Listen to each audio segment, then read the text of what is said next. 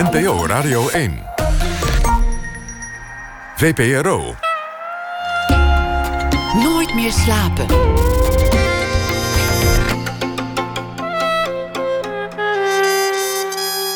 Met Esther Naomi Perquin. Goedenacht, welkom bij Nooit meer slapen. Bijna 50 jaar na zijn hit Ben ik te min en een jaar na zijn overlijden verschijnt er van Nederlands bekendste protestzanger en cannabisambassadeur de biografie Arman en nu ik. Na ene halen we herinneringen op met Marcel Groenewegen. Hij is bassist bij de Kik en de schrijver van de biografie. En actrice Angela Schijf is de gast in de rubriek Open Kaart. Over liefde en jaloezie gaat de voorstelling Kreutzer waarin ze samenspeelt met haar echtgenoot Tom van Landuit. En tegenover mij zit nu Daan Remmerts de Vries. Hij werd geboren in 1962 en kan naar eigen zeggen eigenlijk niks. Pasta koken, een band plakken, behang afstomen. Je hoeft er voor hem, bij hem niet voor aan te kloppen. Maar wat de kunsten betreft is hij rijkelijker bedeeld. Hij is illustrator, maakt muziek en schrijft. En voor zijn vele en zeer uiteenlopende jeugdboeken werd hij al dikwijls geroemd en geprezen. Maar zijn boeken voor volwassenen werden eigenlijk nogal over het hoofd gezien. En hij besloot toch wel enigszins uit frustratie daarover met een schone lei de literatuur in te stappen. Onder het pseudoniem A.N. Riest. En dat leverde een flinke literaire sensatie op. Want daar was ineens een reusachtig en allesomvattend boek, De Harpij. Een boek waaraan een onbekende schrijver meer dan twintig jaar werkte. En het werd bejubeld, al achterhaalde men al gauw wie er verscholen zat achter deze nieuweling. De wereld die A.N. Riest de lezer cadeau deed, was echter nog niet uitgeput. En in zijn nieuwe boek, De Blauwe Maanvis, treden figuren naar voren waar al eerder een glimp van te zien was. Het zijn wonderlijk tijdloze verhalen die zich afspelen in een landschap dat je kunt lezen als een volstrekt nieuwe of juist zeer oude wereld. Of, en zo zie ik dat zelf eigenlijk het liefst, als een zelfportret. A. en Riest, Daan Remmerts de Vries. Fijn dat je er bent. Ja, vind ik ook. Een zelfportret, zei ik al. Dat moet ik misschien even uitleggen. Zo'n landschap, um, en dat begint eigenlijk in de Harpij... maar dat, dat komt in de nieuwe verhalenbundel terug. Ja. Ik vond een heel opvallend landschap. Het is gebaseerd op, op een echt bestaand gebied, begreep ik. Het is het uh, paradijs na de zondeval. En um, de omstandigheden zijn tamelijk middeleeuws, denk ik. Het is overzichtelijk uh, op een bepaalde manier. Um, er wonen veel minder mensen dan, uh, dan op de tegenwoordige aarde, denk ik, in de meeste gebieden. Um, een zelfportret. Um, in ieder geval een land waar ik graag zou vertoeven. Heel graag. Ja, ik vermoed namelijk altijd dat dat, dat, dat er aan ten grondslag ligt. En in dit verlangen. geval, ja, dat, dat verlangen naar die ja. wereld. Maar ook omdat het iets, iets uitdrukt, denk ik, van, van wat je zelf bent of hoe je jezelf beschouwt. Zo'n landschap waar eigenlijk alles is. Het is ook heel rijk. Uh, ja. Bossen, dieren, et cetera. Ja. Maar het is ook eenzaam. Ja, het is leeg. Um, maar juist de natuur vind ik niet leeg. Ik, ja, god, ik voel mij vaak heel leeg in de stad.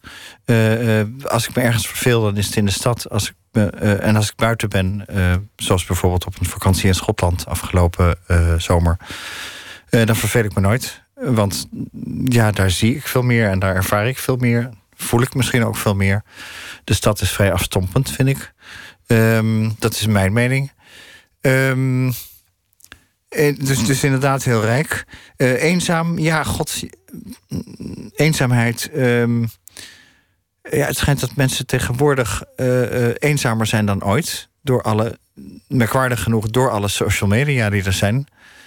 Um, ja, god, mensen, mensen zijn eindeloos aan het twitteren en appen en noem het allemaal maar op. Vader gaat een luchtje appen. Um, maar ondertussen is er meer eenzaamheid onder jongeren bijvoorbeeld dan ooit is gebleken. Um, mensen praten niet zo erg veel met elkaar. Als ik op straat loop, zie ik iedereen ongeveer om me heen op een telefoontje kijken voortdurend. Um, dus met die eenzaamheid valt het wel mee, denk ik, in dat land. Er wordt gepraat, er, worden, er, worden, er zijn kwesties, er zijn mensen die zich met elkaar bemoeien. Um, je kijkt me afwachtend aan. Moet nou, ik verder gaan? Nee, maar ik, ik, ik, ik, zit het me, ik zit het me voor de geest te halen. Ja. Ik, ik, heb dat toch, ik heb dat zelf toch anders ervaren. Ik vond het niet eenzaam in een naargeestige sfeer. Nee. Maar eenzaam in de zin dat je daar vrij lang rond kunt trekken zonder iemand Ja. tegen te komen. Je kunt je afzonderen, ja. Dat is heel fijn. En, en zelfs als je eh, iets hebt uitgefroten wat niet in de haak was... kun je weer op een andere plek overnieuw beginnen. Wat in deze wereld toch ook moeilijk wordt, denk ik. Nou, en daarom kwam ja. ik volgens mij op het idee dat het voor een deel ook een zelfportret was. Ja, Ehm, omdat ik me kan voorstellen dat je, nou ja, alleen al door het schrijven van, van, van zo'n boek, en dan refereer ik met name aan de, aan de Harpij, waar je Ja. meer dan twintig jaar aan gewerkt hebt. ja. Daar spreekt een, een, een diep verlangen uit om je, om je eigen wereld te herscheppen. Ja. Ja, god. Dat is het aardige van schrijvers natuurlijk. Eh, die willen graag gehoord worden, maar zijn in feite toch niet uit op macht, maar alleen maar op communicatie. Schrijvers doen het met hun pen. Eh, dat is het aardige juist. Ik heb inderdaad een, een, een wereld eh, laten zien. Het is, het is dan ook het, het voormalige paradijs waarin zich dit allemaal plaatsvindt. Ehm, ja, waarin dingen wel degelijk uit kunnen komen. Waarin, eh, waarin dingen wel degelijk gerealiseerd kunnen worden. Op een hele wonderlijke manier soms. Maar, maar met veel mogelijkheden inderdaad.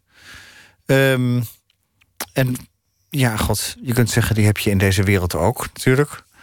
Ehm, eh, ja, mijn ervaring van de wereld waarin wij leven... en daarom beschrijf ik dat ook als zodanig in de harpij... want de, de wereld van ons komt er wel degelijk in voor... Eh, de wereld waarin wij leven vind ik een wereld waarin veel beloofd wordt en waarin weinig wordt gerealiseerd uiteindelijk. Ehm, nou, nou mag jij weer. Nou, word je daar, word je daar naar geestig van? Je daar aanleg voor om daar naar geestig van te worden? Nee, dat valt ook wel mee. En eh, god, in, in Nederland wonen we natuurlijk wat dat betreft toch in een soort van, eh, van hele veilige, prettige zone eigenlijk. Ehm naar geestig. Ehm, ja, god, je hebt heel veel idealen als kind, denk ik. En het, is best moeilijk om die te realiseren, maar de mogelijkheden zijn er toch. Maar iets als afzondering bijvoorbeeld. Het is nou. pro- Probeer het in Nederland maar eens te vinden. Als je ergens door een bos loopt, dan komen er eh, 25 trimmers langs. Er staan bordjes met grote fan, 0,4 kilometer. Of pannenkoekenhuis eh, eh, verderop. Ehm, overal heb je bereik in Nederland. Eh, het is moeilijk om je af te zonderen, ja. Ik vond het in Schotland heel erg fijn dat, dat er op bepaalde plekken waar, waar we waren. En, en- mijn vrouw vond het helemaal niet fijn, maar eh, daar had je geen bereik gewoon. Dus daar was je echt eens eventjes weg van de wereld, inderdaad. Dan kan je nog een beetje fatsoenlijk verdwalen of ergens, Ja. ergens doodvallen. Fatsoenlijk verdwalen, dat vind ik ook heel fijn. En inderdaad, de mogelijkheid om dood te vallen, de mogelijkheid die er is, die vind ik helemaal niet slecht, eerlijk gezegd. Zeker. Jij zei net, als, als kind heb je bepaalde idealen. Ja. Wat voor idealen had jij als kind? Eh, ik wou popmuziek maken bijvoorbeeld. Ehm, ik wou kunstenaar worden. Dat wist ik echt al vanaf, vanaf mijn vierde jaar of zo. Je hebt geen fase gehad dat je nog probeerde iets nuttigs te zijn. Nee, nee iets nuttigs heb ik nooit gewild. Nee. Ehm, dat, hoeft, dat hoeft ook niet thuis, gelukkig. Het, eh, mijn ouders waren zo aardig en begrijpend dat ze eh, me altijd hebben gesteund in wat ik wilde doen. En mijn vader was eh, eh, officier van justitie en mijn moeder was eh, ehm, maatschappelijk werkster. Maar ach, ze vonden het helemaal niet. ze wouden dat ik iets vond waarmee ik gelukkig zou kunnen worden. Ehm, nuttige dingen waren er zelden bij. Inderdaad, het plakken van een band zat er absoluut niet bij. Dat hoefde ook niet, gelukkig. Dat, ehm, als ik een lekker band had, dan bracht ik mijn fiets gewoon naar de fietsenmaker. Dat was geen enkel probleem. Ehm, dus eh, ja, god. Inderdaad, het is het Nederlandse nuttig waar je het over hebt, hè, natuurlijk. Het, het, het koopmans nuttig. Kunst is nuttig natuurlijk, laten we wel wezen. Het, ehm, ja, ik zeg het nu maar even voor de luisteraars. Eh, wij begrijpen dit best natuurlijk, maar... eh, ehm, maar inderdaad, echt eh, in het zweet des aanschijns mijn brood verdienen... nee, dat hoeft helemaal niet. Als het, als, ja, je, moet vooral, je moet vooral datgene doen wat je, waar je in beginsel aanleg voor hebt, denk ik. Ik denk dat ieder kind dat moet doen, want dan word je alleen ergens goed in. En, ik- en zagen ze dat? Dat zagen ze dus ook. Dat, dat kan bijna niet anders. Ze Ja. zagen dat je daar aanleg voor had. Nou, ze zagen me altijd zitten tekenen, inderdaad. Of verhalen verzinnen. Of, eh, en op een gegeven moment begon ik zelf piano te spelen. Ik heb, ja, ik heb mezelf dat geleerd. Ehm, nee, ze zagen dat ik met dat soort dingen bezig was. vond, jij, vond jij jezelf een, een bijzonder jongetje? Had je dat eh, in Daar heb ik nooit over nagedacht vroeger. Het, eh, ik geloof niet dat ik ehm, eh, ehm, heel erg paste in, in, bij mijn voetballende soortgenootjes toen ik, eh, weet ik veel, elf of twaalf was of zo. Eh, maar ik vond mezelf ook niet heel bijzonder. Ik deed gewoon die dingen om, puur omdat ik ze wilde. En ja, dat is eigenlijk altijd zo gebleven. Ik heb van mijn, ja, van mijn natuurlijke aanleg mijn beroep gemaakt. Dat is blijkbaar wel iets bijzonders, begrijp je? En, ja. Nou ja, vooral dat je, ja, dat je die ruimte krijgt, is, is, lijkt me wel iets bijzonders. Ja. Je bent niet van de generatie Ja. prinsjes en prinsesjes. Nee, dat ben ik zeker niet. Eh, en natuurlijk moet je op een gegeven moment... eh, eh, je kunt niet je hele leven een uitkering blijven houden... om maar iets te noemen. Ehm, hoewel ik die wel degelijk een aantal jaren heb gehad, hoor. Want het kon toen nog. Maar in die jaren heb ik heel hard gewerkt. Heb ik verhalen geschreven en heb ik illustraties gemaakt. En heb ik me kunnen ontwikkelen dankzij die uitkering. Ik heb toen ik... op een gegeven moment dan een, eindelijk eens een grote opdracht kreeg, heb ik ook een hartelijke brief gestuurd aan de sociale dienst. Ehm, eh, nu hoeft het niet meer. Dank jullie wel. En ik, ben- ik ben zeer dankbaar voor de afgelopen jaren. En het, het was me een genoegen, maar eh, hou er nu maar mee op. Je zag het als een investering. Die brief heb ik later gehoord. Die, eh, die heeft toch jarenlang ingelijst eh, op het kantoor van de sociale dienst gehangen. Waar ik op dat moment, nou, tot, tot dat moment was, als klant was geweest, zeg maar. Dus ik zag het als een investering. En een, een, nou, een hele goede investering, denk ik ook. Het lastige is wel dat eh, we zitten nu eenmaal wel in een tijd waarin Ja. je met name als je, als je in, in de kunsten zit, Ja. eh, dat is de afgelopen tien jaar eigenlijk eh, ontzettend nog toegenomen. Verhard, zeker. Ja. Dat je om de haverklap dat, dat nuttigheid nog eens een keer moet uitleggen. Nou, je moet het aan iedereen uitleggen, inderdaad.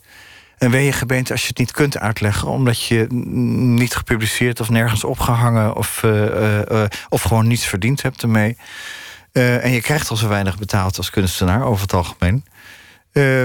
Want dat is ook een kant van Nederland. Ehm, kunst is hier niet zo erg gewaardeerd. In beginsel is toch een aantal keren in het buitenland uitgenodigd om iets te gaan doen. En ik merkte dat er daar veel en echt veel meer respect was voor kunst dan hier in Nederland. Het. ehm, eh, wat was de vraag ook weer? Kun je het toch een keertje herhalen? Nou, dat, dat, het nuttigheidsdenken zo is het toegenomen. nuttigheids. Ja, het is alleen maar toegenomen. Het is heel, ik vind het een ontzettend vervelende ontwikkeling natuurlijk. Een hele irritante en, en, en, en ook een, eh, een onterechte ontwikkeling. Stel je voor dat er geen kunst zou zijn. Stel je voor dat er alleen maar inderdaad centjes werden verdiend... voor alles wat, eh, ja, wat men nodig vindt op dat moment. En dat er nou, gewoon geen, geen films, muziek en, eh, en boeken gemaakt meer zouden worden. We zouden het moeten doen met alles wat er nu zou zijn. Ehm, het zou kunnen, want er is heel veel natuurlijk, denk ik dan meteen. Heel veel, echt. Maar ehm, je moet er toch niet aan denken dat er niets nieuws meer uit zou komen. Dat er niets meer gemaakt zou worden. Nee, het mag meer gewaardeerd worden. Maar ja, god, dat is, dat is duidelijk de mening van een kunstenaar zelf natuurlijk. Dus, eh, Nou ja, we doen nu ook net alsof jij als, als, als eh, schrijver ontzettend over het hoofd bent gezien. Dat ben je niet. Je bent Nee. ontzettend geprezen. Eh, voornamelijk om je kinderboeken. ja. En toen kwam het moment waarop je je realiseerde: dat is raar. Dat gaat allemaal goed, dat gedeelte van mijn eh, schrijverschap. Maar zodra ik iets voor volwassenen schrijf, wordt het Ja. eigenlijk over het hoofd gezien. Ik had een, een paar romans uitgegeven. En eh, de, de, de, de, de roman die ik had uitgegeven, Brave Nieuwe Wereld, bij eh, Querido onder mijn eigen naam, was zo volkomen over het hoofd gezien door iedereen. En eh, ja, god, ik had het ding zelf geschreven, dus je begrijpt dat ik het niet terecht vond.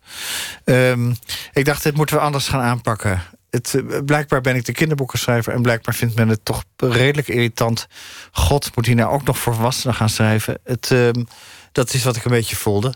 Nou ja, ik mensen, dat Ja. merk ik zelf ook. Bij, bij festivals bijvoorbeeld, waar, waar grote Ja. mensendichters komen. Dat Ja. als er dan een kinderdichter, dan denken ze: oh god, dan moeten we raketjes klaarleggen in de kleedkamer, glaasjes appelsap en zo, en een schaaltje toverballen. Ja, nou ja, weet je, je mag maar één ding doen in Nederland. Jij zat ook aan de cola net. Moet je er wel even bij zeggen. Ja, ik, eh, op dit soort gelegenheden drink ik, mag ik cola van mezelf drinken altijd.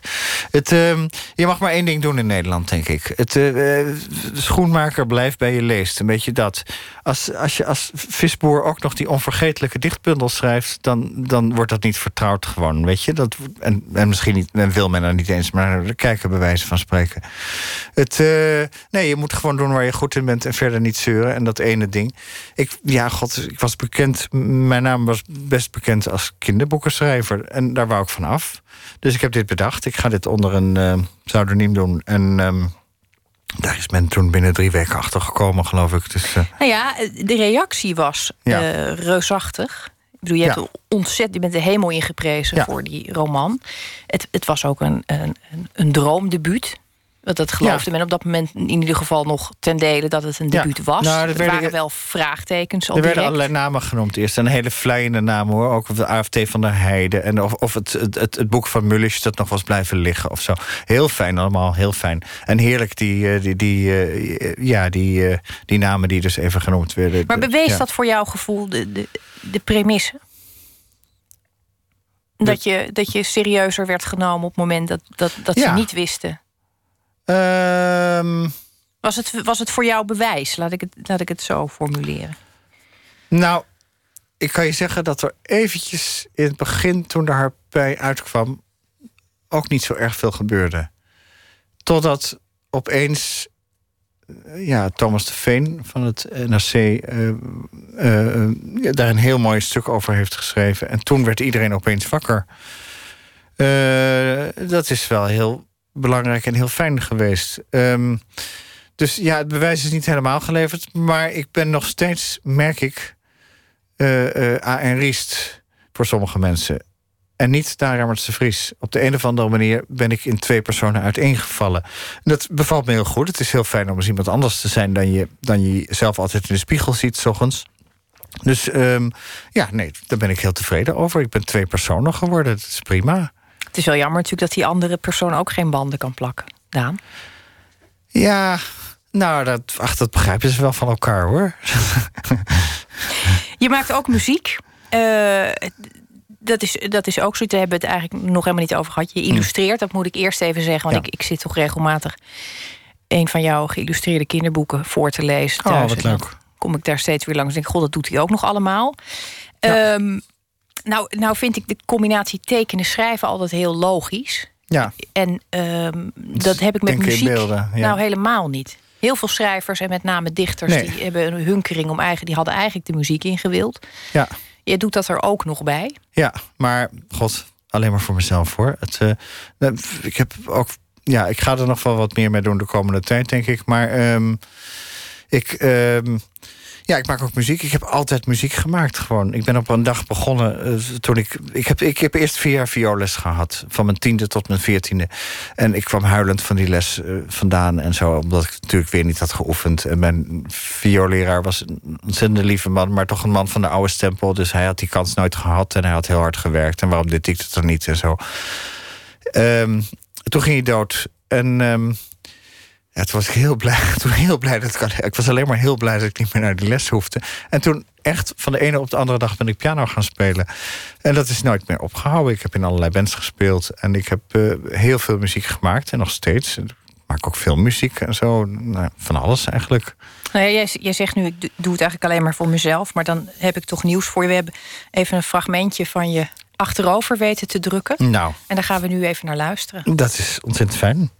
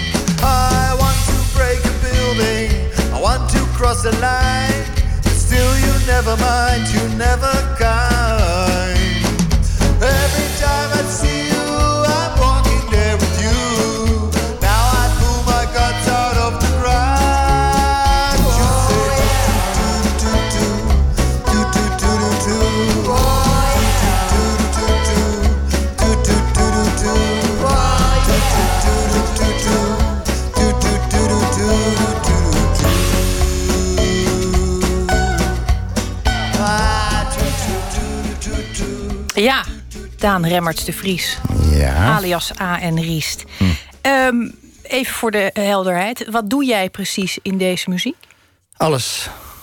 De zang, Alles. het spel. Alles. Je bent een eenmans Ja. band. Formatie. Ja. Ja, ik vraag me dan toch direct af... is dat omdat iemand het met je uithield? Of, of is het... nee, natuurlijk niet. Hoe kom je daar nou bij? Ik heb inderdaad in bands... ehm, op een gegeven moment heb ik een, een- twee keer, tot twee keer toe een band zelf opgericht... en heb eh, eh, toch wel heel erg bepaald wat we speelden. En ehm, ik was ook nog de liedzanger en ik speelde gitaar... en ik wist ook inderdaad wel vrij goed over het algemeen... hoe de dingen moesten klinken. Eh, hadden wij een bassist die alleen maar wilde sleppen bijvoorbeeld... Dan Wat is, eh, wat is sleppen? Sleppen is wat Mark King ooit deed met eh, level 42. Een, een, een, een, techniek waarbij je de snaar even omhoog wipt... en waardoor je een soort klappend geluid met die snaar krijgt. Nou, niet de bedoeling. Hadden wij een bassist die alleen maar wilde sleppen... dan vloog die eruit gewoon. Want dat, ja, god, zo moest, mijn muziek, zo moest mijn muziek niet klinken. Ehm, nou, suggereer je dat ik een beetje de dictator van de band was. En dat was ik ook wel, denk ik. Maar veel muzikanten vinden het best heel fijn om een partij voorgeschoteld te krijgen. En, ja, en, en om die zo goed mogelijk te vervolmaken, zeg maar. Dus ehm, ja, ik, weet je, bij goede dingen is er één componist meestal. En een enkele keer twee, inderdaad. Lennon en McCartney, heb je ze weer. Het, eh, maar ehm, ik denk dat goede kunst juist het aardige van kunst is dat het een dictatuur is. Hè? Het, het is geen democratie. Kunst, als kunst een democratie is, als, als er een, een, een, eh, een uitgever is die bepaalt dat er bepaalde hoofdstukken uit een boek moeten, als er een redacteur is die bepaalt dat er bepaalde dingen niet kunnen in een boek, dan ehm, hou je vaak een soort gemiddelde over. Nou, dat is nou juist niet de bedoeling. Kunst moet zo eigenzinnig mogelijk zijn als maar mogelijk is, vind ik.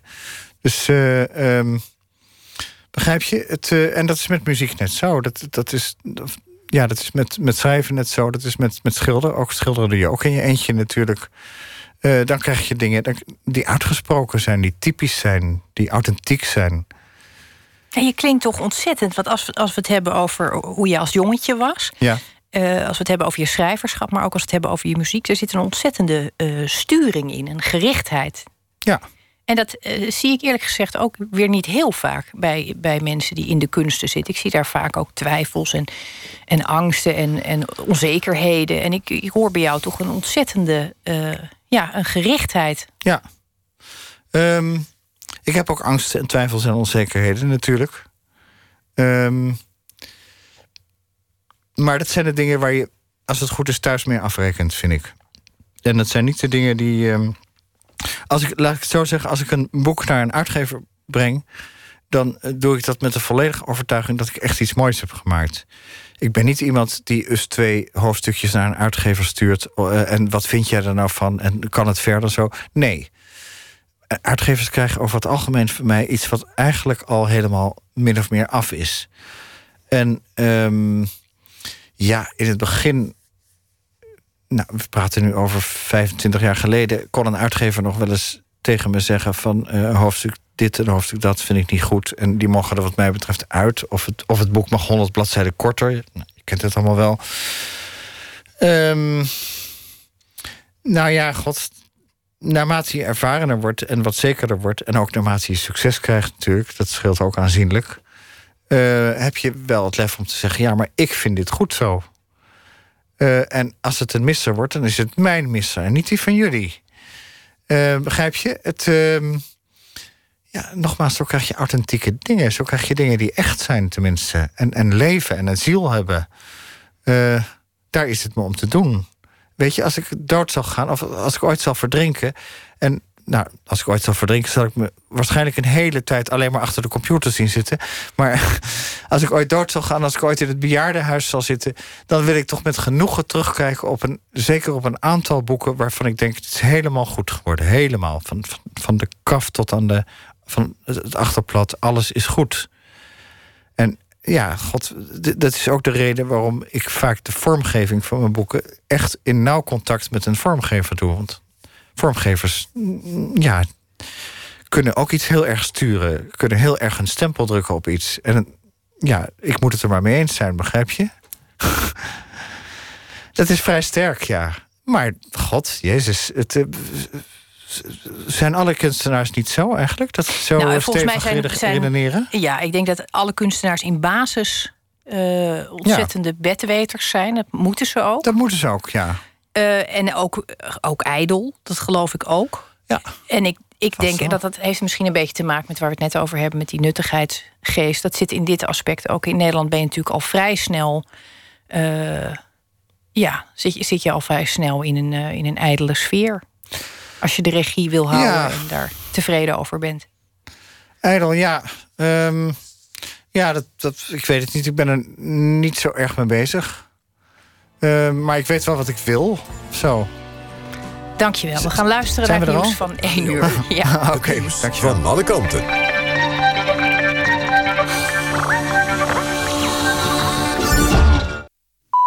Eén uur Clemens Peters met het NOS Journaal.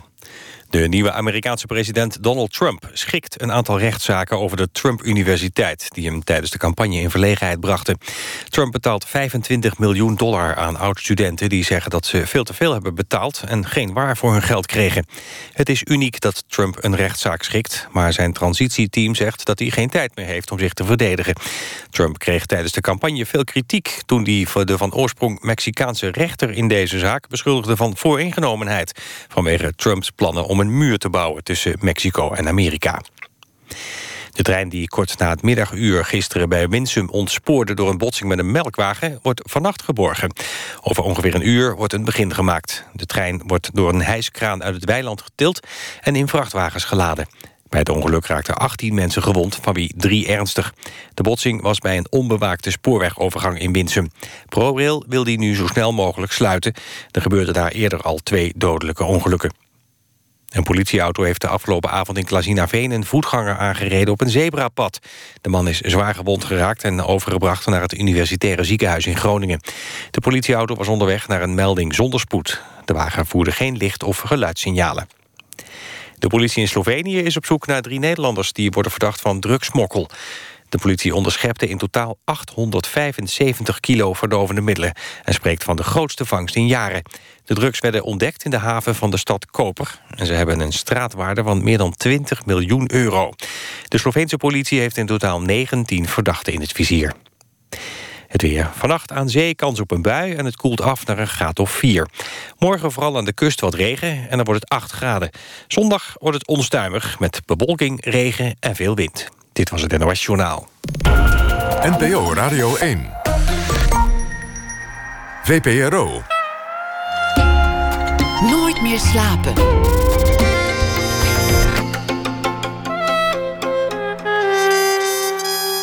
Met Esther Naomi Perquin. Goedenacht en welkom terug bij Nooit meer slapen. Een jaar na het overlijden van protestzanger Arman verschijnt zijn biografie Arman en nou ik. Straks gaan we langs bij Marcel Groenewegen, de biograaf, die ook bassist is bij de Nederlandstalige beatband De Kik, die uitvoerig met Arman heeft samengewerkt. En actrice Angela Schijf komt dit uur langs. Samen met haar echtgenoot Tom van Landuit speelt ze de voorstelling Kreutzer Sonate. En dat gaat over liefde en jaloezie. Maar we beginnen met proza bij het nieuws van de afgelopen dag. Opnieuw verzorgd door Thomas Heerma van Vos. Hij schreef onder meer de romans De Allestafel en Stern... en de verhalenbundel De Derde Persoon. En deze week volgt hij voor ons het nieuws op de voet. Thomas, goedenacht. Goedenacht, Esther. Gisteren was je nog eh, onder de indruk en gekweld door schaamte. Ja, Zag de ja, dag vandaag er eh, lichtvoetiger uit? Eh, nou, bij mij heeft schaamte een beetje de gedaante dat hij er altijd op de achtergrond wel is. En dat hij ook niet heel erg de overhand had. Dus ik hoop dat het gisteren niet de indruk wekte dat ik eh, met een kussen over mijn hoofd eh, de haren uit mijn eh, kop zat te trekken van schaamte. Dus het, het sluimert een beetje en dat is vandaag niet ineens verdwenen. Maar ik kon prima doen wat ik wilde doen. Ja, Ik denk dat we altijd meer te vrezen hebben van onbeschaamde mensen dan van beschaamde. dat denk ik ook. Ja, dus als het in ja. enige mate aanwezig is, lijkt me dat een aanbeveling. Ja, een klein stemmetje op de achtergrond. En ik, ik wil het hebben, of mijn column gaat over iets wat gisteren ook gebeurde, naast mijn schaamte. Eh, en nou, misschien kan ik eerst de column voorlezen en dan weet je vanzelf wel waar het over gaat. Graag. Is dat een idee? Ja. Gisteravond bij Pauw. Een item over vaccineren. Er zaten drie bezorgde moeders die fel van leer trokken tegen een arts. Ze waren boos. Ze vonden het schandalig dat hun kinderen gevaccineerd moesten worden. Eentje dacht dat haar kind daardoor een spierziekte had gekregen. Doktoren zeiden dat dat medisch gezien onmogelijk was, maar dat deerde haar niet. En de andere aanwezigen ook niet. Doktoren, verplegers, die spanden allemaal samen. Zoiets noemen we geen bezorgdheid, zoals Jeroen Pauw het wel noemde. We noemen het geen gezond kritisch vermogen. Zoiets noemen we het aanhangen van een complottheorie. Laat ik het eerlijk toegeven, ik ben jarenlang ook gevoelig geweest voor complottheorieën. Dat Marilyn Monroe was vermoord door de FBI bijvoorbeeld. Of dat Tupac nog leefde. Dat 11 september door Amerikanen zelf geanceneerd was. Ik heb het allemaal oprecht geloofd. Aangewakkerd door overtuigende YouTube-filmpjes en langgerekte pseudowetenschappelijke artikelen. Nu, dat wat de boze burger wordt genoemd, steeds meer van zich laat horen, is de complottheorie populairder of in ieder geval prominenter dan ooit. Niet voor niets werd er rondom de verkiezing van Trump veelvuldig de rol van Facebook bediscussieerd. Volgens sommigen had het sociale netwerk stemmers beïnvloed door te veel aandacht te geven aan complottheorie. Dat Hillary Clinton in dienst was van een groot Joods complot bijvoorbeeld. Of dat klimaatverandering, we horen het nu vaker laatste dagen, een verzinsel is. Wat mij zelf afviel van mijn denken in complottheorieën was een heel simpel filmpje dat de New York Times in 2011 online zette. Het duurde zes minuten en het heet The Umbrella Man. Het gaat over de moord op JFK. Vlak bij diens auto, op het fatale moment, stond een onbekende man met een opengeklapte paraplu, terwijl het een zonnige dag was. Jarenlang werd gespeculeerd over wie dit nou was. Een handlanger van de schutter, de Cubaanse spion, de dader zelf misschien, met de paraplu als moordwapen. Uiteindelijk, zo laat dit filmpje op de New York Times zien, was het gewoon een voorbijganger. Die toevallig een paraplu bij zich had. Want er was in een vage weerbericht regen voorspeld. En door hem uit te klappen, bedacht hij op dat moment, wilde hij verwijzen naar een of andere oude, onbekende Amerikaanse politicus. Niets verdacht dus. En iets wat een buitenstaander nooit had kunnen achterhalen of verklaren. De strekking van dit filmpje, er zijn nu eenmaal onwaarschijnlijkheden, rare toevalligheden bij soms grote onderwerpen. Die wijzen niet direct op een complot, niet op een samenzwering. En wie werkelijk denkt dat elke afwijking een betekenis heeft, die denkt dat er achter alles, uh, pardon, achter alles een systeem zit en zich verliest in die hunkering naar een logische verklaring, die heeft volgens mij niets van de willekeur van alle dag begrepen. Volgens mij is het veel zinniger die les en zo'n filmpje van de New York Times tijdens pauw te herhalen en niet drie vanuit onderbuikgevoelens schreeuwende vrouwen daar neer te zetten voordat hun paranoia op meer mensen overstaat. Ja, Thomas, dank je wel. Ik heb die uh, hele discussie natuurlijk met aandacht zitten volgen. Um, ja, ik, ik denk altijd, en ik, daarom ben ik altijd heel voorzichtig als het om complottheorieën gaat. Ik zie namelijk iets heel anders in dit soort uh, vrouwen. Ik, ik zie een ontzettende uh, moeite om nog een autoriteit eigenlijk serieus te nemen. En ik denk dat dat een groter probleem is. Dat, er, dat, dat je eigenlijk niet meer weet is een onderwijzer nou nog wel een instituut? Vroeger had een onderwijzer bijvoorbeeld altijd gelijk. Nou, dat, die, die tijd zijn we voorbij. Dat is met huisartsen ook al lang niet meer zo. Met kranten is dat niet meer zo. Ik, de, ik denk dat het eigenlijk gaat om, om, om wie, wie geloven we nog op, op zijn woord. Ja, dat, dat speelt zonder meer mee. En ik denk dat het hier ook wel echt raakt aan het gevoel van verplichting. Dat, het, uh, dat, je niet, dat er niet alleen een instituut is, maar dat je ook dat moet geloven en moet vaccineren. En om Trump er maar weer bij te halen. Dat is ook het hele bezwaar dat niet alleen hij heeft, maar tegen die Obamacare is volgens mij dat veel mensen het op zich een mooi idee vinden, maar dat het hele plichtmatige daaraan hen tegenstaat. En volgens mij is het die combinatie die veel ongecontroleerde uh, woede en dus ook theorieën uh, in de hand kan werken en kan doen versterken. Ja, dan moet ik eerlijk zeggen dat ik de momenten dat ik mijn kinderen heb laten inenten nog altijd in mijn geheugen gegrift staan. Dat, geldt voor denk ik alle ouders die daarbij zijn geweest. Het, is, uh, het blijft een afschuwelijk fenomeen. Ik ben nog steeds heel tevreden dat ze gezond en wel rondlopen. Maar je over, overwoog toch niet het niet te doen daarom? Nee, ik heb, ik heb alle informatie voor en tegen zo'n beetje in me opgenomen als uh, betrokken ouder. En ik concludeerde eh, op basis van de informatie dat er feiten waren en een heleboel gevoelens. En toen heb ik maar voor de feiten gekozen. Ja, dat lijkt me een goede keuze. Ik, uh, ik, ik hoop het. Ik zal het ze toch eens vragen als ze de 90 halen. Ik ga er wel vanuit. Ja, ik ook. Dankjewel Thomas voor, uh, voor je bijdrage deze week. En we je hopen je snel weer te spreken. Ja, bedankt. Goeienacht. Slaap lekker.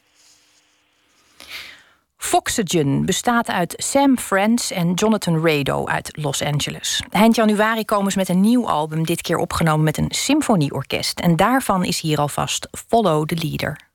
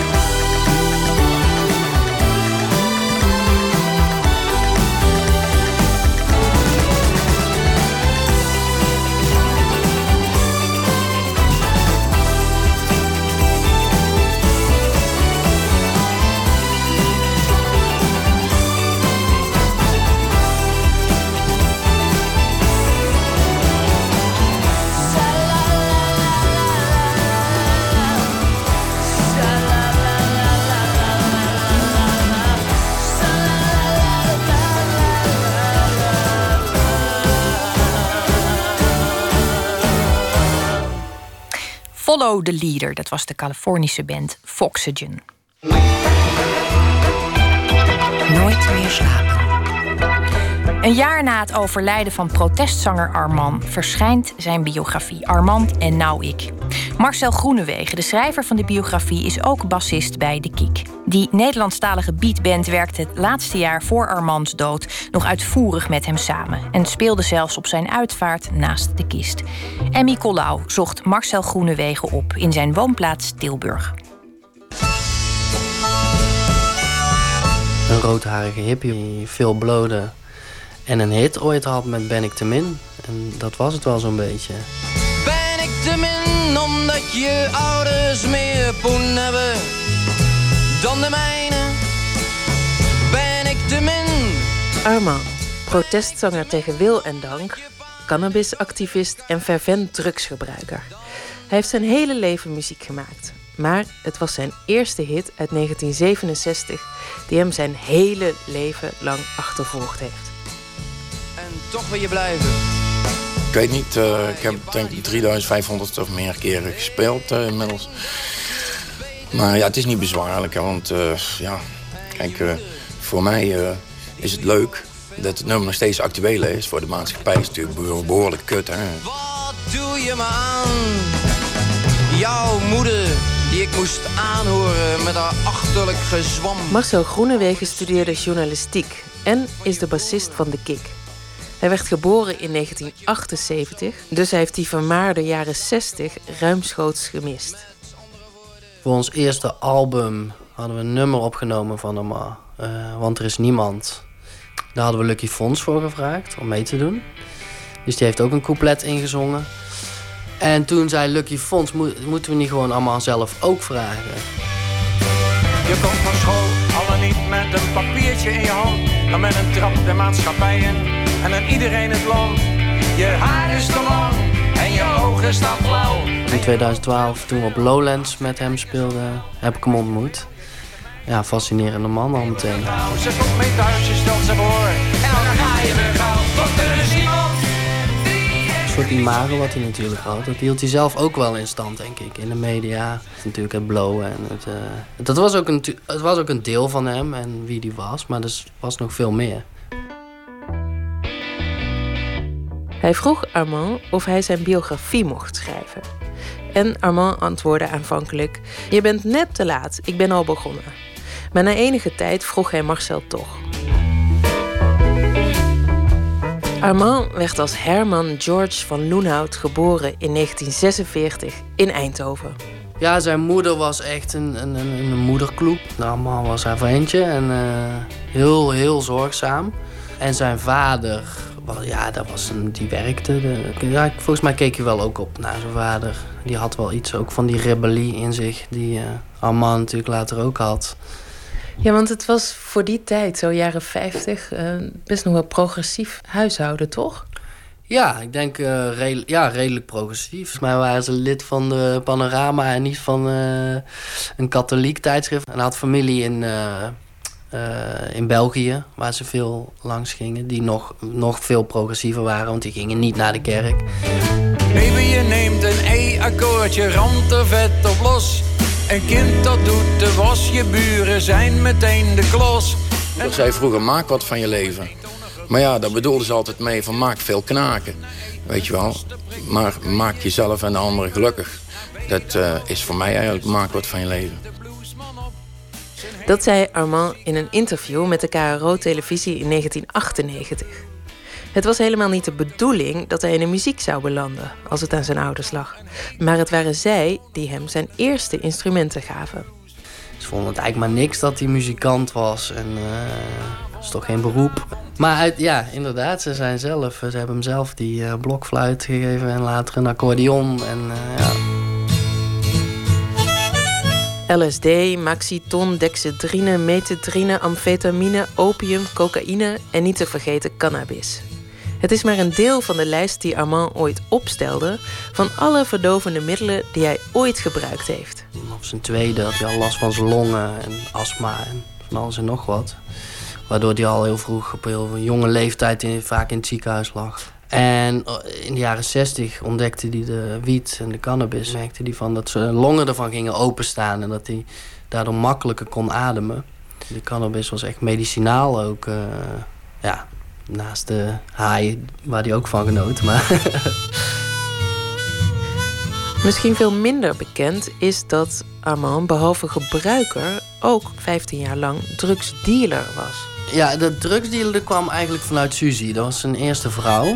Ze gingen regelmatig naar Antwerpen. Daar kon je de- hash halen.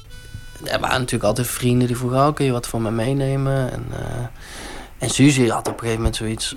van ja, wij nemen best wel wat risico door dat te gaan halen voor iedereen al. Waarom zouden we niet gaan dealen? Het was natuurlijk een andere tijd, onschuldiger ook, zo lijkt uit de biografie van Armand. Hij stopte met de verkoop van LSD toen hij zag dat het ook bij kinderen terecht kwam. Tegelijkertijd was hij dus wel dealer en had hij zeker ook een zakelijke kant. In het begin was hij heel makkelijk en konden mensen op de pof bij hem uh, hars krijgen. Maar hij moest natuurlijk wel zijn centen hebben. En als dat niet kwam, had hij wel een probleem. Dus in die zin werd hij daar, uh, ja, naarmate de tijd uh, werd hij daar wel harder in. En echt, ja, een dealer, ja. Ja. Hij had ook een hele zakelijke kant en best wel een harde kant. En hij moest natuurlijk ook voor zichzelf opkomen. En zeker met contracten voor het spelen en dat soort dingen was, was, kon hij heel zakelijk zijn inderdaad. De muzikale carrière van Armand ging met ups en downs, net als zijn privéleven. Dieptepunt was zo rond zijn veertigste, toen hij getrouwd was met zijn tweede vrouw en twee kinderen kreeg. Toen is hij zich een beetje verloren, zichzelf verloren, ja. Door cocaïne, denk ik. En door het gezinsleven. Dat was toch niet helemaal aan hem besteed. En toen uh, zijn oudste zoon vijf was... toen is Emmy bij hem weggegaan met de kinderen. En toen heeft hij eigenlijk ook weinig moeite gedaan... om zijn kinderen terug te winnen of om ze vaker te zien. En zijn zoon, dat was moeilijk om daarover te praten. Ook omdat hij, ze, hij zag zijn oudste zoon pas weer rond uh, zijn 18e, 17, 18 was die toen. En toen was er weer even contact met Joris en Sander, zijn twee zonen. En dat heeft ook niet heel lang geduurd, dat contact. De teksten van Armand zijn altijd recht voor zijn raap geweest. En ook in gesprekken en interviews leek Armand altijd heel open. Maar uiteindelijk sprak hij heel lastig over zijn gevoelens. Hoe durven mensen zo dicht bij mij te komen om erachter te komen wie ik ben? Ik wil zelf niet eens weten wie ik ben. Zo zei hij. Best lastig voor een biograaf. Als je te dichtbij kwam, dan uh, had hij eigenlijk wel een muur om zich heen. En dan, uh, ja, dat kapte hij dan af. Of dat, waren, er waren dingen waar hij dan liever niet over sprak. En, uh, het waren vooral heel veel verhalen en veel lang. Hij was vaak, veel, en veel aan het woord. En dan kwam je moeilijk tussen. Maar gelukkig had ik dagboeken die ik uh, na zijn dood ben gaan lezen. En uh, daarin had hij wel soms, want 90% was ook, uh, ging ook meer over dingen die niet heel interessant waren. Zoals wat hij gegeten had die dag. Maar ehm, af en toe zat er wel iets tussen.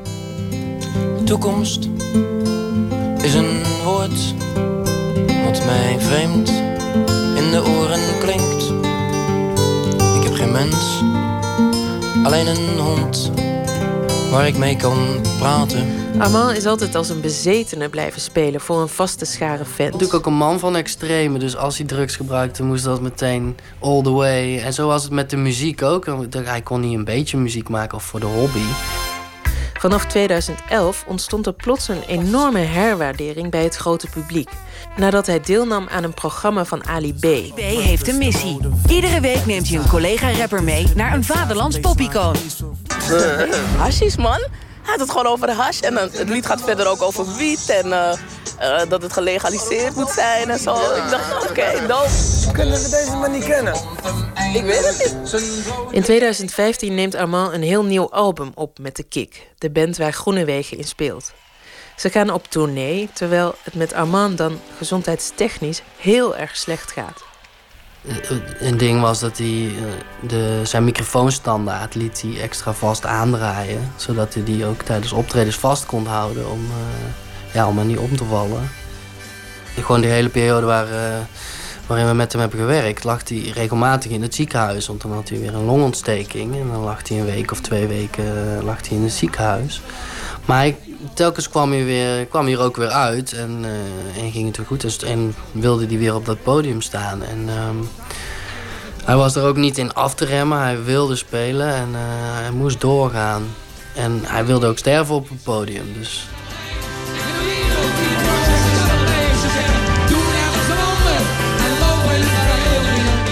Dat hij een achtergebleven hippie was, was volslagen onzin volgens Armand. Het was juist zijn eigen generatie die achtergebleven was. Die dooien, noemde hij ze, die alleen maar naar Radio 10 Gold luisterden.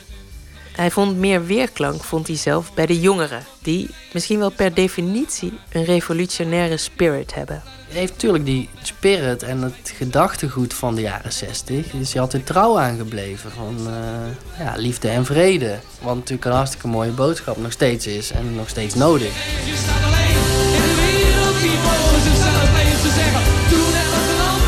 ben zeker wel anders naar het leven gaan kijken. eh, ja, door, door hem, ja.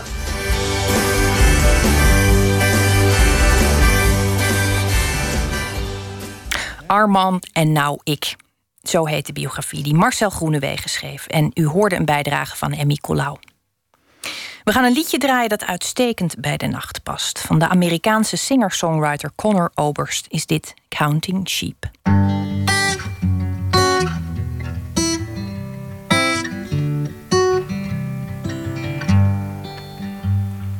Closing my eyes, counting the sheep, gun in my mouth, trying to sleep. Everything ends, everything has to. Get well balloon, going insane. Weight of the world, paper mache, gone with the wind, out into nothing. I'm just trying to be easy, agreeable. Don't wanna seem needy to anyone, including you.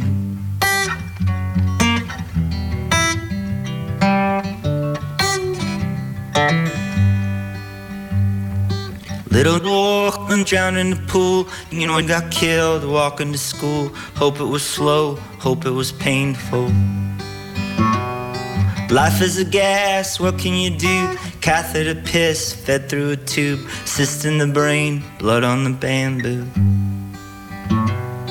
How the hell's littered with signs? Every last thing they advertise. I wanna buy, I wanna sell too.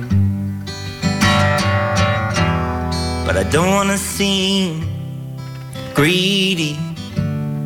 I'm generous. I'm just trying to be pleasing to everyone, including you.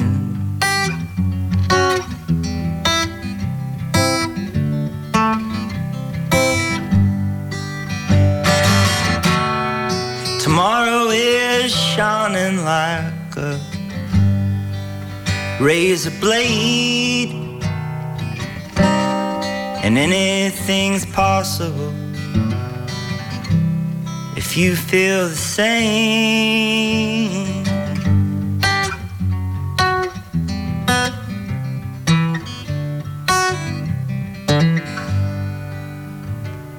Early to bed, early to rise, acting my age, waiting to die. Insulin shots, alkaline produce. Temperature's cool, blood pressure's fine. 121 over 75. Scream if you want, no one can hear you. Just wanna be easy, acceptable. I don't wanna seem needy to anyone, especially you. Especially you. Especially you.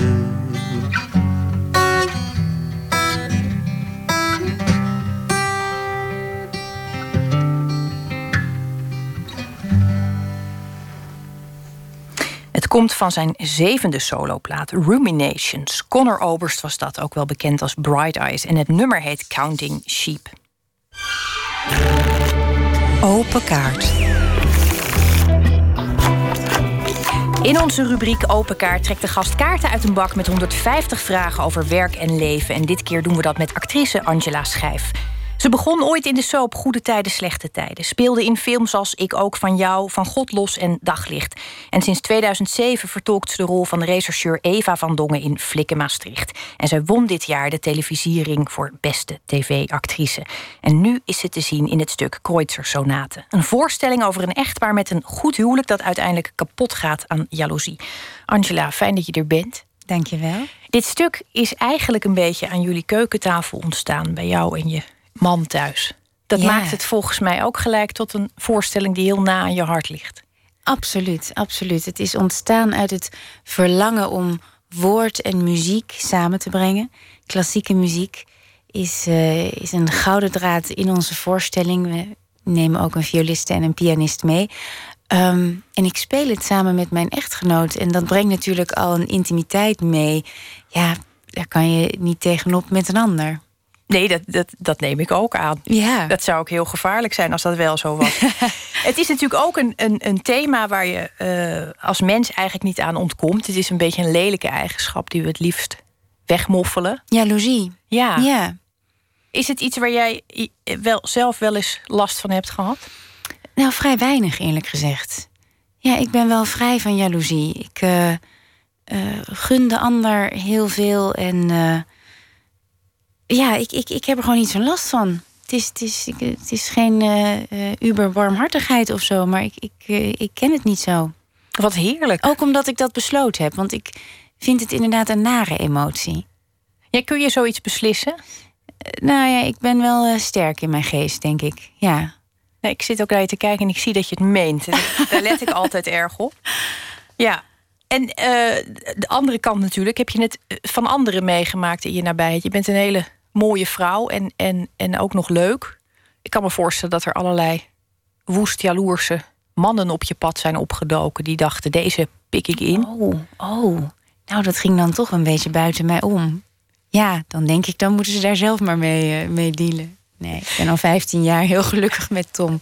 Ik kijk niet verder. Nou ja, god, kijk, je weet natuurlijk niet wat er allemaal nog langs zij is, eh, is gescheerd in de loop. Dat is maar goed ook eigenlijk. Precies, wat niet weet, wat niet deert. Ja. Hey, dit, dit stuk loopt nu tot en met eh, 31 december van dit jaar. Het gaat Ja. heel hard op Ja. dit moment. Ja, het is fantastisch. We hebben het twee eh, seizoenen heel succesvol in Vlaanderen gespeeld. En het is heel erg mooi om te merken dat het Nederlandse publiek ook zo goed reageert. Het is een eh, intens en heftig stuk. Wat is die, die, die, die intimiteit tussen, tussen mensen die samen muziek maken? Want daar eh, gaat het eigenlijk mis. Ehm, ja, ik vind het altijd een heel wonderlijk gezicht als je, als je mensen ziet die samen spelen.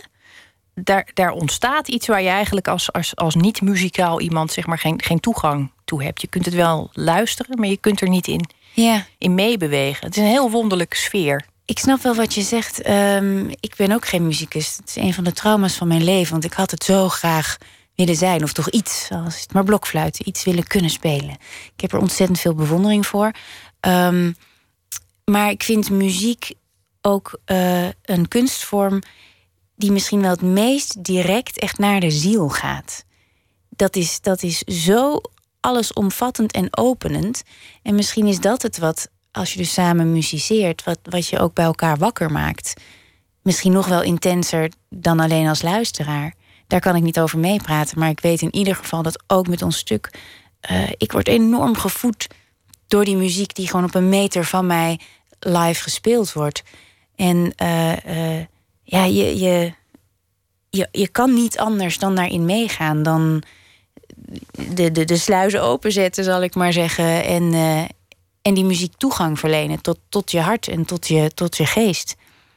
Vind ik meest bij muziek meer dan voor mij dan beeldende kunst of, of, of misschien zelfs theater. Ik denk, dat je, ik denk dat je gelijk hebt. Ook omdat het woordeloos is. Mhm. En wat je dan ziet gebeuren tussen mensen is eigenlijk iets dat. Nou ja, in, in mooie relaties zeggen ze ook heel vaak: ja, ze hebben geen woorden nodig. Ja. Nou, dat is bij die muzici dus eigenlijk altijd het geval. Het is heel universeel ook, hè? Het is ook wel jaloersmakend eigenlijk. Ja. Nu ik erover nadenk. Toch hier, daar is het. Laten we de, de kaartenbak erbij pakken en, en zien wat we daar aan, eh, aan verborgen vragen in kunnen aantreffen. Spannend, al die Ja, zwarte kaartjes. Oké. God, verschrikkelijk moeilijke vraag. Wie zou minister-president moeten zijn? Hou je je daarmee bezig? Want je bent eigenlijk inwoner van twee landen. Ja, ik vind het heel erg, eh, heel erg lastig. Ik merk dat ik in België nog steeds niet goed geaard ben. Want dat ik nog steeds denk, hé, wie is ook alweer wie? En eh, heel ernstig. Ehm, ja, ik zou gewoon eigenlijk eh, willen stellen dat eh, Obama onze hele wereld waren. Dat is mijn persoonlijke held namelijk. Dus ik ga hem nu al, eh, nu al missen. Ook Maar een man met een enorme liefde voor muziek. Toevallig. Ja, ja, ja. Wat een charisma, hè? Zeg dan vent. toch, nou dat vind ik ook. En ik vond zijn, zijn speeches ook altijd heerlijk. Och, ongelooflijk. Of het nou voor je geschreven wordt of niet, je moet het ook zo kunnen. Bij hem zag je ook altijd dat hij het meende als je naar zijn gezicht keek. Ja, en dat is zo knap. Dat iemand echt in contact staat met, eh, ja, ja, ja, met zijn, zijn ziel of zo. Of dat je, wat je zegt, je ziet dat iemand niet zomaar iets verkondigt. Probeer je als acteur eigenlijk ook altijd. Hè? Dat je, ja, je wil zo oprecht mogelijk emoties ergens vandaan halen. Vreemd eigenlijk toch, die, die, die spagaat waar je eigenlijk als acteur altijd in zit. Dat je moet spelen op een manier die het meest niet lijkt op spelen. Ja, ja, het is een beetje de omgekeerde wereld. Want je gaat heel erg nadenken over een normaal eh, ontstaan emoties en je handelt daarnaar. En nu doe je eigenlijk, je, je maakt de stappen terug, de, de weg terug. Eh, het leukste is, soms neem je iets van jezelf mee en anderen weten nooit wanneer jij het bent of wanneer het personage. Dat, dat zijn zo mijn heimelijke genoegens als ik bezig ben. Kun je nou ook op, op toneel nu eventjes putten uit eh, het feit dat je je tegenspeler al 15 jaar zeer intiem kent? Helpt dat? dat helpt omdat je enorm eh, vrij, vertrouwd en veilig met elkaar bent. Ik durf wel te zeggen dat ik nog nooit zo grenzeloos heb gespeeld als met Tom nu.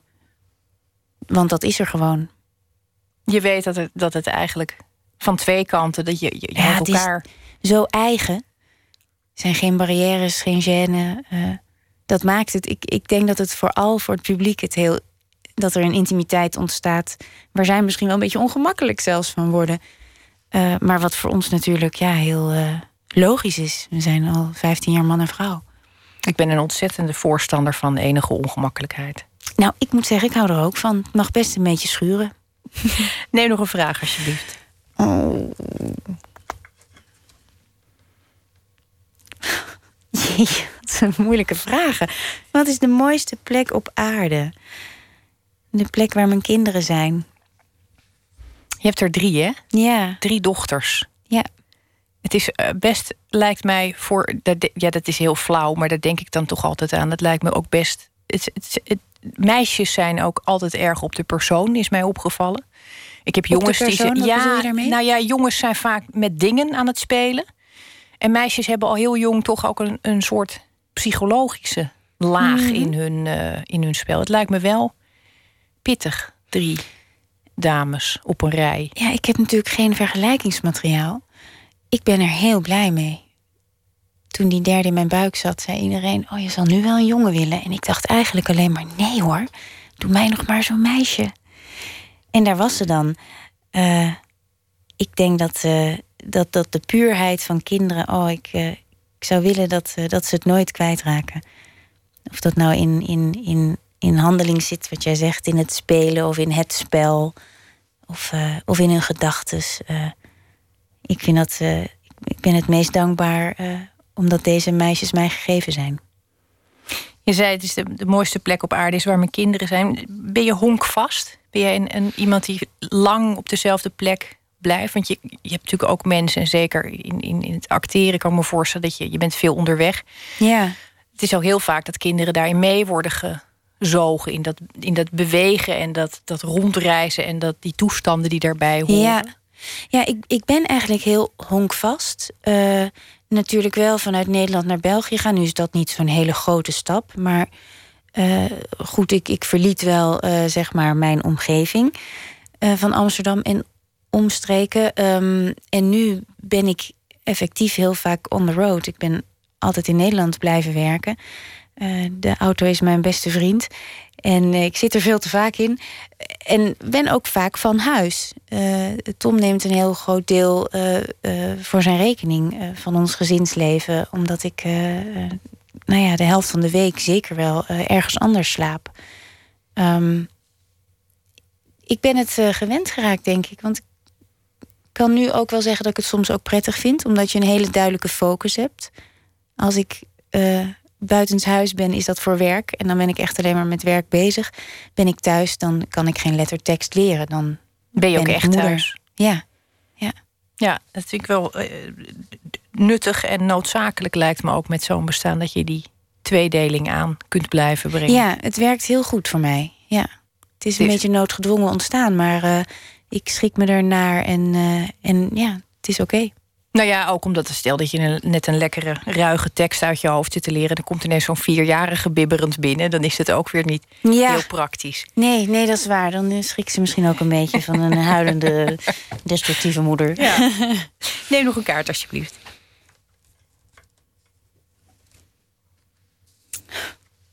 Deze is persoonlijk. Jeetje, welke klap kom je nooit te boven? Toen was het stil. Je lijkt me een heel blijmoedig iemand, dus misschien zijn er eigenlijk, zijn er eigenlijk klappen geweest die je, waar je nog aan twijfelt of je die te boven komt. Ja, die zijn er. Ja. Ja, eh, die zijn er, maar die zijn voor mij. Ik ben eh, effectief een blijmoedig iemand. Ehm, maar ik heb ook wel eh, mijn portie eh, gehad. Ben je over het algemeen iemand die geneigd is te vergeven en te vergeten? Ja. Ja. Absoluut. En dat betekent dan niet dat het weg is, natuurlijk. Ehm, nee, hoewel ik wel steeds beter losleer te laten. En hoofd van bijzaken leer onderscheiden. Dat vind ik ook wel een groot goed. Ehm, maar weg is het niet, nee. Laten we een andere vraag nemen. Ben je bang om oud te worden? Eh, van lijf en leden? Ik wil heel graag heel... Ik wil wel 120 worden. Ja, ik, ik, heb, ik heb die vraag eigenlijk nooit goed begrepen.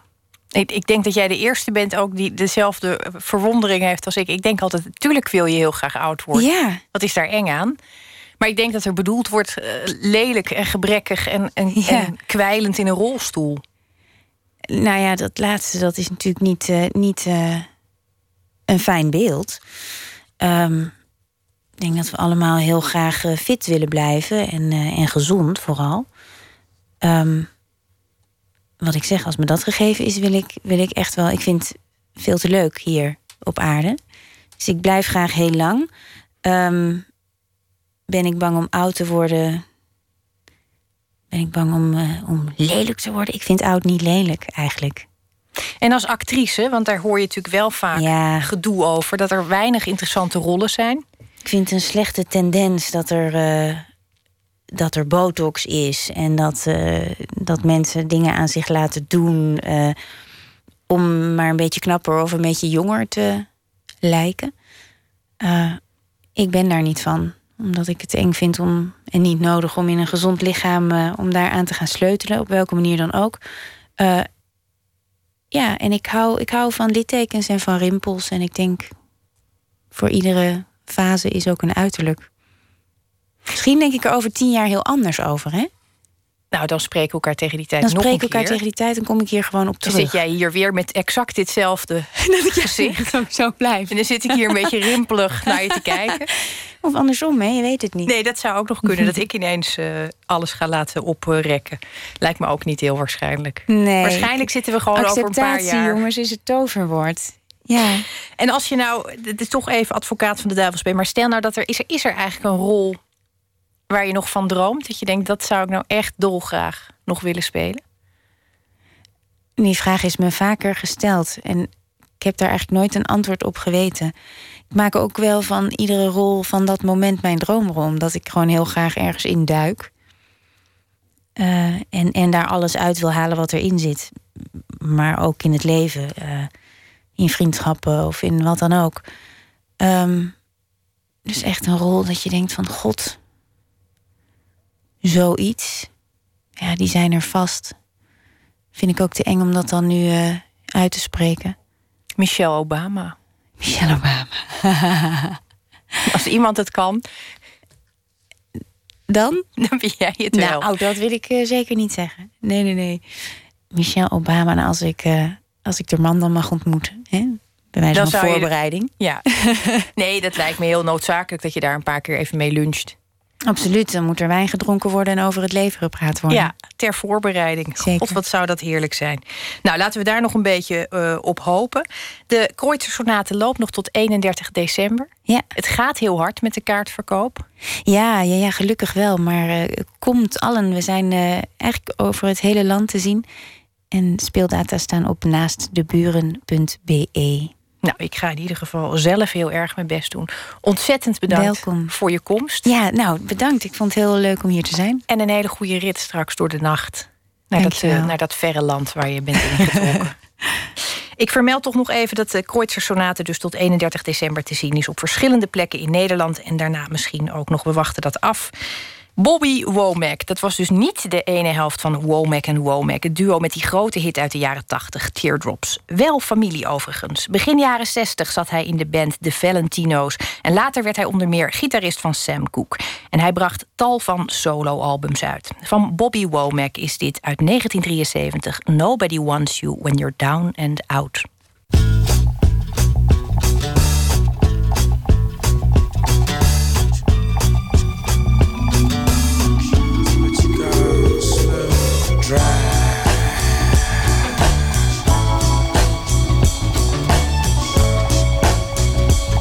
Oh,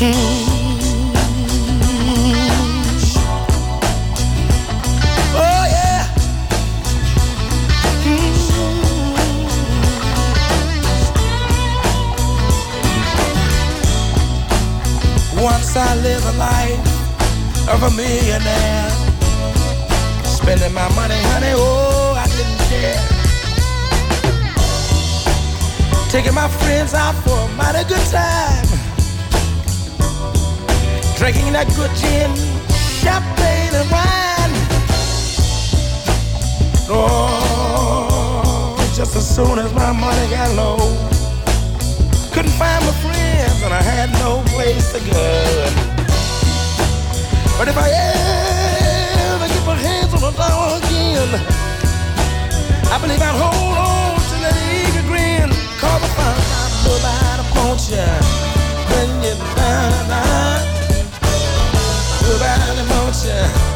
when you're down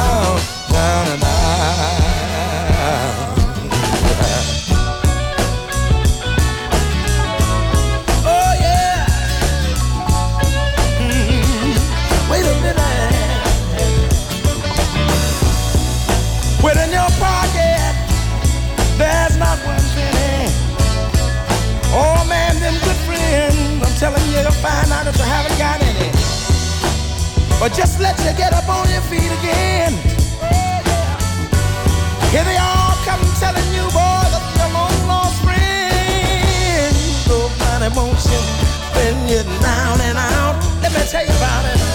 Nobody wants you. Ah, nobody wants you now. Down and out. Down and out. Nobody wants you. Oh. Yeah, yeah, yeah, yeah. I don't mean to take up too much of your time. I thought I'd drop this line. Nobody wants you. You see, nobody wants you. Nobody wants you. Ah, nobody wants you now. You're down and out now. I feel like I'm on a groove wow. Nobody wants you when you're down and out. Nou, ik heb toch zelf reden om daar optimistisch over te zijn. Ik hoop eigenlijk voor u hetzelfde. Bobby Womack was dat. Nooit meer slapen. Afgelopen woensdag is in Amsterdam het jaarlijkse documentaire festival ITVA van start gegaan. Daar draait onder meer de documentaire Maplethorpe, Look at the Pictures. Over het roemruchte leven van de Amerikaanse fotograaf Robert Mapplethorpe, die vooral bekend werd door zijn expliciet homoerotische foto's. Op basis van interviews met bekenden en oud beeldmateriaal van de fotograaf zelf wordt het tumultueuze leven geschetst dat Mapplethorpe had voor hij in 89 aan de gevolgen van aids overleed. Verslaggever Luc Heesen was op het ITVA aanwezig bij de vertoning van de film en peilde de reacties van het publiek.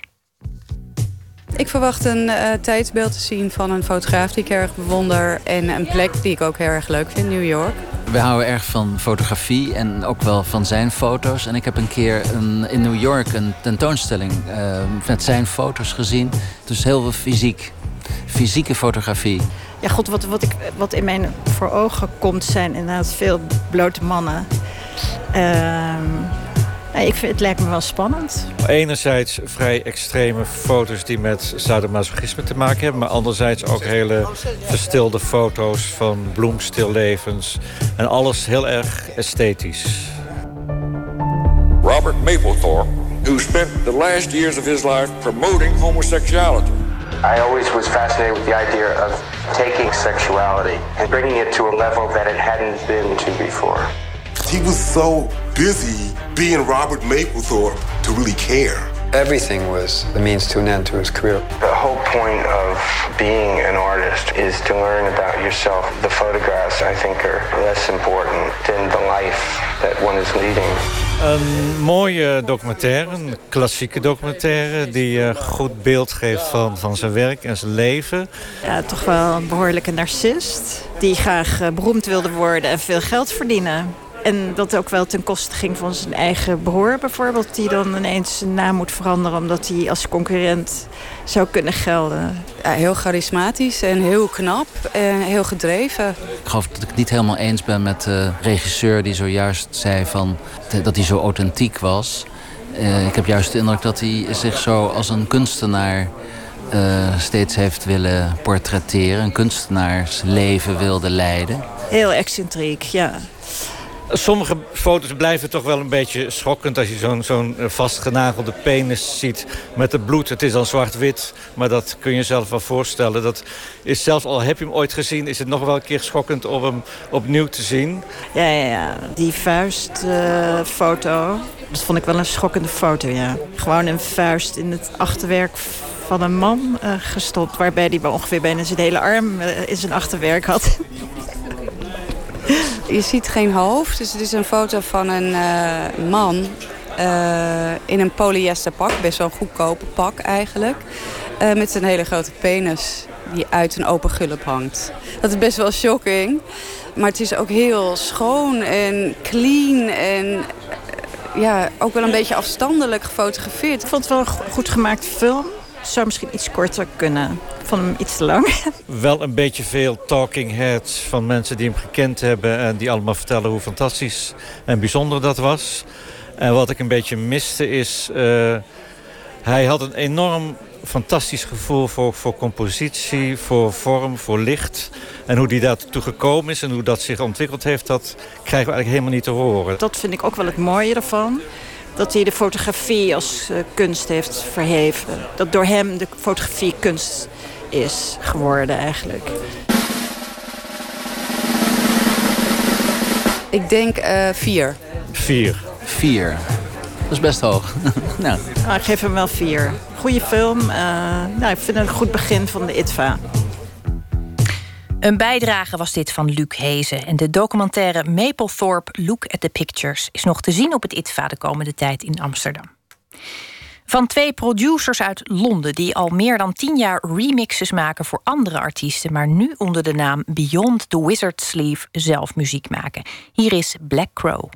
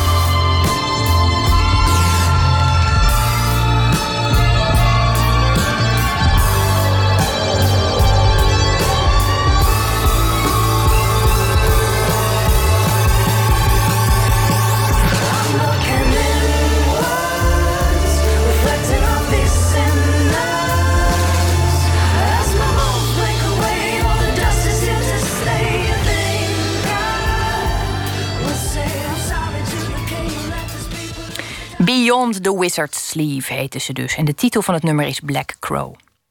We sluiten af met poëzie van Joke van Leeuwen. Een selectie van vijf gedichten maakte ze en nu heeft de laatste nog van ons te goed. Het gedicht Zij ze.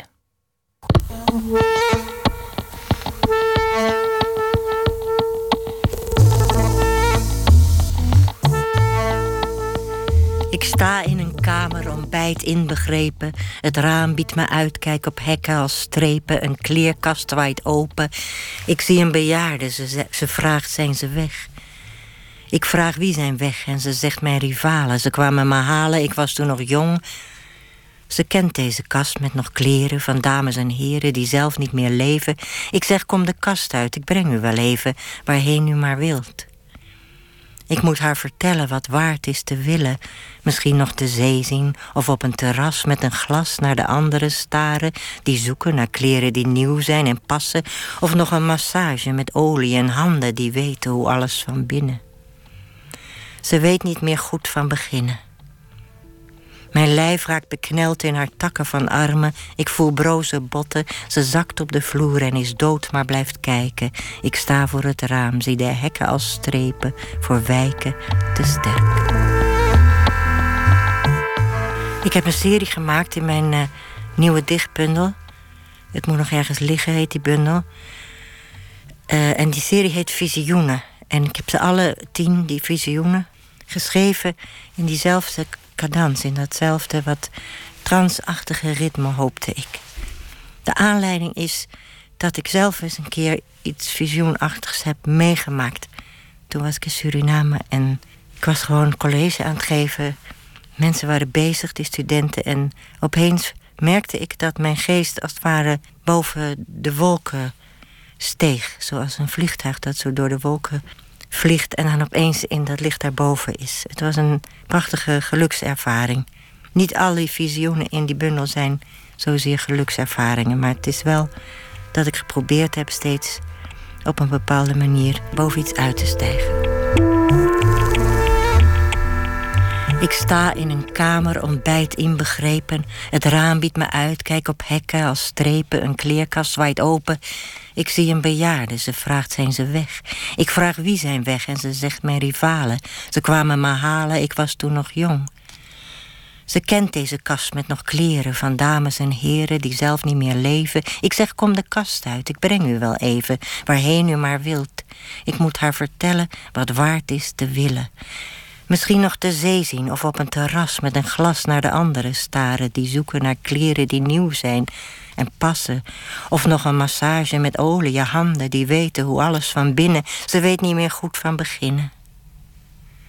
Mijn lijf raakt bekneld in haar takken van armen. Ik voel broze potten. Ze zakt op de vloer en is dood, maar blijft kijken. Ik sta voor het raam, zie de hekken als strepen. Voor wijken te sterk. Zij ze, een gedicht van Joke van Leeuwen. En volgende week horen we Alfred Schaffer.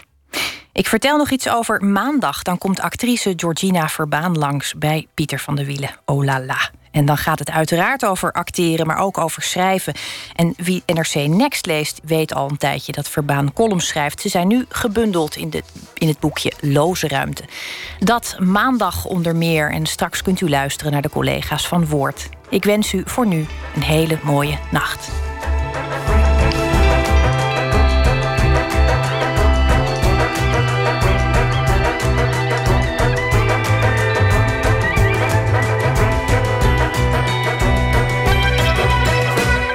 Op Radio 1, het nieuws van alle kanten.